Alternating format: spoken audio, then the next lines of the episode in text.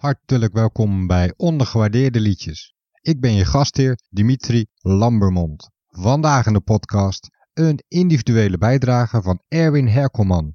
Planet Funk, Chase the Sun.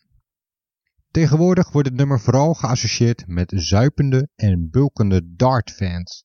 Maar het origineel verdient wel iets meer respect dan dat lompe geschreeuw van het publiek tijdens de belangrijkste toernooien van de Engelse dartbond PDC. Het is een prachtige, melodieuze, zwoele transplaat die mij direct terugbrengt naar mijn allereerste vakantie met vrienden in het buitenland. We zaten in Salau en belanden bij Discoteca Papillon, een kleine maar sfeervolle club in het Spaanse kustplaatsje. Ik ben er helaas maar één of twee keer binnen geweest. Dat had te maken met de voorkeur van mijn reisgenoten die toch meer hadden met Hollandse feestmuziek. Gelukkig kreeg ik een cd mee, waarin de plaatselijke DJ zijn toenmalige favorieten aan elkaar had gemixt. En daar stond hij op, Planet Funk met Chase the Sun.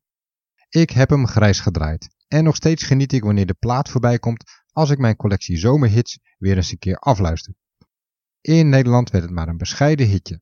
Het reikte in 2001 niet verder dan plaats 29 in de top 40 en het was na vier weken ook alweer verdwenen.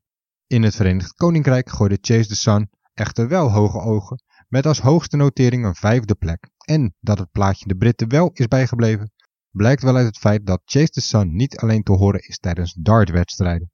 Het komt in hun land namelijk in veel meer sporten terug. Rugby, ijshockey, cricket en ook bij voetbalclubs Sheffield Wednesday en Reading schalt het regelmatig door de stadionspeakers.